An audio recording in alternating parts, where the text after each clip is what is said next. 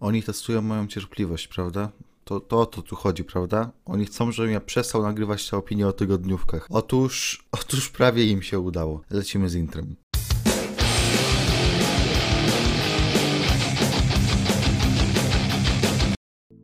Zaczynamy row od H-Phone'u, ale nie każcie mi o tym mówić, proszę. Więc przejdźmy sobie już do Miss TV i to jest najlepszy moment, w ogóle najlepszy motyw, jeżeli chodzi o wykorzystanie legend na tej gali. To trochę słabo, jeżeli o godzinie drugiej, pięć już masz najlepszy motyw z wykorzystaniem legendy na gali. Teddy Long bukuje e, Miza i Morrisona w walce z Undertakerem, no ale jednak Adam Pierce mówi, nie ma Undertakera na gali, co za szkoda, e, więc robi tag team match playa z New Day. New Day wygrywają walkę z Mizem i Morrisonem, co nie powinno nikogo dziwić, bo nie pamiętam, kiedy Miz i Morrison wygrali jakąkolwiek walkę w ostatnich tygodniach, i to nawet nie kilku, a kilkunastu, więc no cóż, są bukowani jak idioci, więc muszą przegrywać walkę za walką, tak to po prostu działa. Następnie wywiad z Randy Mortonem, wywiad z Randy Mortonem, który daje nam odpowiedź na bardzo ważne pytanie, które każdy sobie zadawał przez ostatni tydzień. Otóż Orton nie spalił Alexy Bliss, jednakże ani widu, ani słychu po niej na tej gali, ani widu, ani słychu też po e, czy też po Findzie, co będzie ciekawe jeszcze w kontekście jednego segmentu w późniejszym momencie. No ale Orton mówi, że no, no, nie spalił, nie spalił. Jednakże będzie dzisiaj miał taki leitmotiv na gali, że będzie chodził po legendach i próbował je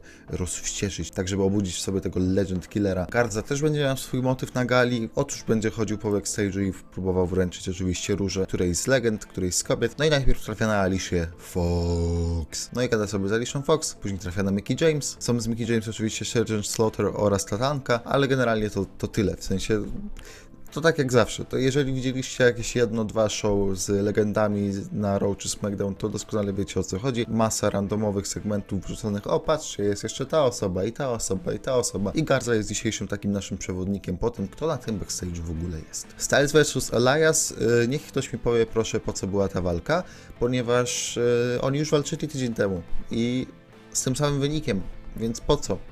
Co się takiego wydarzyło, że oni znowu walczą. Nie wiem, nie wiem, ale Omos dał impressive moment z tym kopnięciem w gitarę po walce, więc yy, chyba o to chodziło. Chyba dlatego była ta walka, żeby Omos kopnął w gitarę. Wow, właśnie Właśnie potrzebowałem tej walki po to, żeby Omos kopnął w gitarę. Po co? Nie wiem. Charlotte ogłasza swój występ w Royal Rumble meczu, a jeżeli czegoś się nauczyliśmy w ciągu ostatnich kilku lat, to faktu, że Charlotte w dużych walkach zawsze się liczy. Zawsze jest faworytką, więc sam fakt, że Charlotte jest w Royal Rumble meczu już czynią faworytką tego Royal Rumble meczu takie jest życie niestety nasze. I znów kolejna legenda, Big Show na backstage'u. Jeżeli bym siedział sobie na krześle tak jak siedział sobie Big Show i podszedłby sobie do mnie Riddle, to prawdopodobnie wstałbym z tego krzesła. Big Show jednak nie wstaje, jest kulturalny i słucha o tym, jak to y, Riddle by nazwał ich tak team Big Bros. W każdym razie Randy Orton podchodzi sobie do Big Show'a i mówi, jak to pewnie Big Show jest zły, ponieważ Orton zakończył jego karierę, ale Big Show nie daje się sprowokować. Taki sam motyw będziemy mieli później z Markiem Henrym. Markiem Henrym, który w ogóle jeździł sobie na tym skuterku takim y, dziwnym i mam nadzieję, że to tylko tak dla wygody, bo nie chciałbym, żeby z Markiem Henrym było coś nie tak zdrowotnie. Okej, okay, przechodzimy do jednej z dziwniejszych rzeczy na tej gali. Otóż Peyton Royce i Lacey Evans pokonały Charlotte i Askę. Pokonały je jednak po tym, jak Lacey Evans najpierw próbowała poderwać Ricka Flera, a później jak Rick Flair podciął Charlotte i w konsekwencji tego Peyton Royce zdobyła pin i Lacey wygrała razem z Peyton, a później Lacey pocałowała Ricka Flera, co doprowadziło z kolei do tego, że Charlotte wykopała swojego ojca po raz kolejny już w swojej karierze, żeby się nie wtrącał w jej sprawy. Wow. Po pierwsze, ograli to tak jakoś dziwnie, jakby to był przypadek, że Flair podciął tą Charlotte, a to nie wyglądało jak przypadek. Z drugiej strony, jeżeli to nie był przypadek i Rick zrobił to, ponieważ Lacey go podrywała, to, to jest to jeden z najbardziej dziwnych motywów na tej gali. Ja wiem, że Flair to taki pies na baby i tak dalej, ale dlaczego? Dlaczego wy to robicie w ten sposób? No i Peyton i Lacey dzięki staremu dziadowi Rickowi wygrywają walkę. Okazuje się, że Hulk Hogan jest największym fanem Drew McIntyre'a. We wszystko uwierzę, ale nie w to, że Hulk Hogan jest największym fanem Drew McIntyre'a. I mamy właśnie taki feel good segment z Sheamusem, z Drew, z Hoganem i z Jimmym Hartem i, i to tyle. To też nic nie wniosło do niczego. Tu jakby jak zwykle tak jest, nie? Ciężka noc dla Hurt Business. Ciężka noc dla Hurt Business zaczyna się w tym momencie. Riddle pokonuje Lashleya. Lashleya, który niepokonany był od jakiegoś czasu. Otóż, moi drodzy, może nie uwierzycie, ale ostatni raz Bobby Lashley w singlowym pojedynku przegrał, uwaga, z Drew McIntyrem opas WWE dawno temu, prawda? Oczywiście jest to ich sposób na podbudowanie Riddla do pozycji pretendenta do tytułu United States. Można było to zrobić w inny sposób, można było to zrobić po prostu dając mu wygrać walkę o miano pretendenta na przykład. Nie wiem jeszcze jak się z tym czuję, nie wiem jeszcze jak się czuję z tym, że Riddle wygrał, bo przede wszystkim nie wiem, co oni chcą zrobić dalej, a nie wiem, co oni chcą zrobić dalej w dwóch kwestiach. Po pierwsze, czy Riddle wygra pas? Mam nadzieję, że nie. I po drugie, czy nie chcą przypadkiem rozdzielić Hurt Business? I to też by mi się nie podobało, to już oczywiście nawiązanie do wydarzeń z późniejszej części gali. Jasne, ktoś powie, że Bobby Lashley przegrał to w zasadzie trochę nieczysto de facto, tak? Bo sędzia nie zauważył, że Riddle się poddał i to wykorzystał Riddle i wygrał, ale jednak fakt jest faktem, Riddle wygrywa z Lashleyem. Kiedy już myślałem, że Peyton Royce i Lacey Evans, wygrywające z Charlotte i Aską i Ric Flair będący tam, i zamieszany w to. To najdziwniejsza rzecz, jaką zobaczyłem na tej gali. To nie, to jednak nie, jednak nie, bo Dana Brooke pokonała Shayna Baszler w jakieś 10 sekund i Dana Brooke pokonała Shayna Baszler. Shayna Baszler, która jest byłą zawodniczką MMA. Shayna Baszler, którą pokonała poprzez roll-up, będąc w tym sleeper holdzie Shayny. Jak widać, Dana Brooke jest świetną technicznie wrestlerką. Była taka grupa osób, która mówiła, że Shayna Baszler w regres roku, regres roku, chyba na typowym nawet była Shayna Baszler w regresie roku w nominacjach. Ja tego nie rozumiałem do końca, bo ja pojmuję regres roku jako regres względem roku poprzedniego, nie? E, no to Shayna wygrała w sumie Elimination Chamber, bez żadnej straty tak naprawdę sił i tak dalej. Shayna była w walce na WrestleMania o tytuł. Shayna zdobyła mistrzostwa tag team e, z Nia Jax, ale jeżeli Shayna zaczyna rok w ten sposób, to tak, to ja już na dzień 5 stycznia nominuję Shayna Baszler do regresu roku. Nie wiem, nie wiem czego, czemu to miało służyć. Nie mam pojęcia. Nie mam, nie mam pojęcia czemu to miało służyć. Nie w taki sposób, nie w taki sposób. Jeżeli już chcemy zabukować to, że Dana Brooke wygra Shayną, to nie w jakieś 10 sekund, proszę. IRS, Molly Holly i Rick Flair są na backstage'u. Podchodzi do nich Randy Orton i gada sobie z Rickiem Flairem. I to jest to, co zapowiadałem wcześniej. Dlaczego nie było żadnego, nie wiem, face-offu? Dlaczego nie było żadnego chociażby zatizowania napięcia między IRS-em a Ortonem? WWE, jeżeli chce, to potrafi zrobić coś takiego, że, że mrugnie do fanów. Że oni powiedzą, ej, my wiemy, że wy wiecie. Bo wiecie co? IRS to ojciec Breya Wyatta, co nie? Ja rozumiem, że gimmickowo im się to może nie spajać kayfabe'owo, nie? Że jak to? Że w ogóle Fint, czy tam Wyatt ma ojca, nie? I w ogóle to Fint był spalony żywcem, a nie Wyatt, nie? To jakby są dwie różne osoby. Jeżeli WWE by chciało, to by to zrobiło. Zabrakło mi kompletnie tutaj tej interakcji i trochę się zasmuciłem. Zwłaszcza gdy zobaczyłem IRS-a na backstage, mówię, o, o, o, o, coś będzie? No nie, nie było. Skoro jesteśmy przy Ortonie, to Orton wygrał z Jeffem Hardym i znowu go targał za uszy, jak kilka lat temu, nie, chyba to było dwa lata temu. E, no i wygrał sobie i żadnego zaskoczenia nie było, chociaż to była całkiem niezła walka, najlepsza do tej pory na gali, chociaż wysoko poprzeczka nie była zawieszona. Lucha House Party spotykają Melinę i to tyle.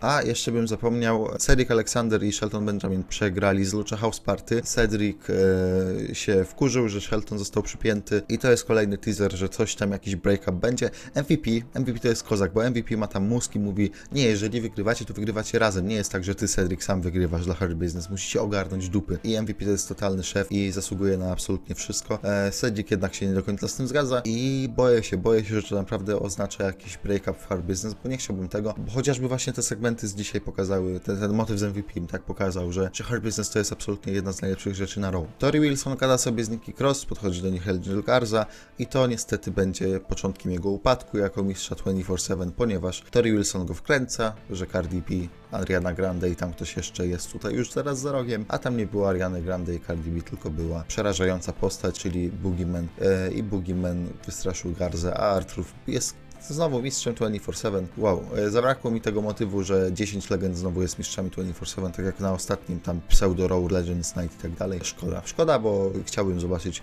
nie wiem, yy, tatankę. Chciałbym zobaczyć tatankę z mistrzostwem 24-7. No i mamy nasz main event, wiem, że wszyscy na to czekacie. Drew McIntyre pokonuje Kifali. To była bardzo dobra walka.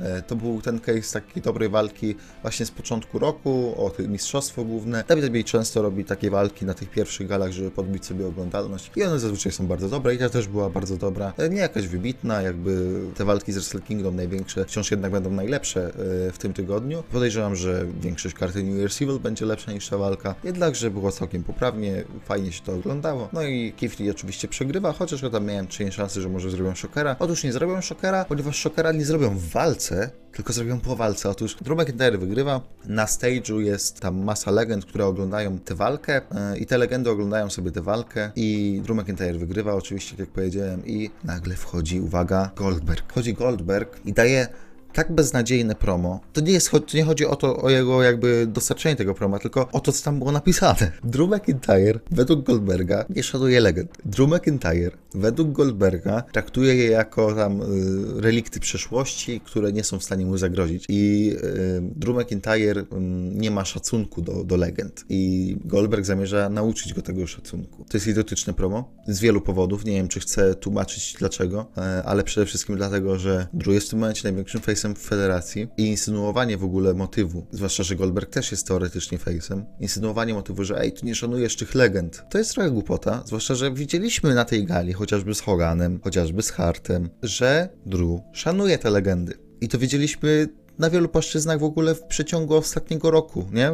Wiedzieliśmy, że Drew szanuje te legendy, więc Goldberg żyje w jakimś urojonym świecie i wcale by mnie to nie zdziwiło, gdyby tak było, naprawdę. Po drugie, WWE robi jeden zasadniczy problem, jeden zasadniczy, duży, duży, duży błąd, jeżeli chodzi o pokazywanie legend na swoich galach, gdy już zestawiamy je z normalnym rosterem aktywnym. Goldberg więc zainsynuował, że mm, Drew sądzi o legendach, że to relikty przeszłości, które nie są w stanie mu zagrozić, bo wiecie co? Bo tak powinno być, bo 50 czteroletni Goldberg, czy nie wiem ile on tam teraz ma lat, nie powinien stanowić żadnego zagrożenia dla Drew.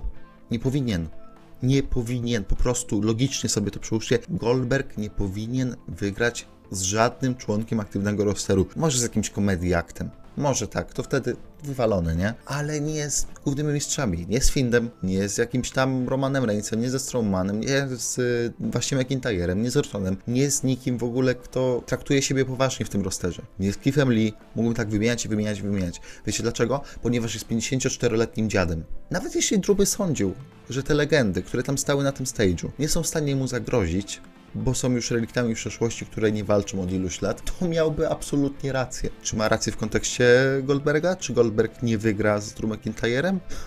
moi drodzy, ja już się nauczyłem na przykładzie walki z Finnem, że walki Goldberga są takie, że Goldberg te tytuły na 99,9% wygra. Czy to znaczy, że pokona Drew? Absolutnie tego nie skreślam. Jestem wkurzony. Jestem wkurzony na to rozwiązanie, chociaż z twojego złego, jeżeli mam szukać pozytywów, jeżeli mam mówić, że szklanka jest do połowy pełna, to przynajmniej nie wrócił na Rumble, nie? I nie wygra Rumble.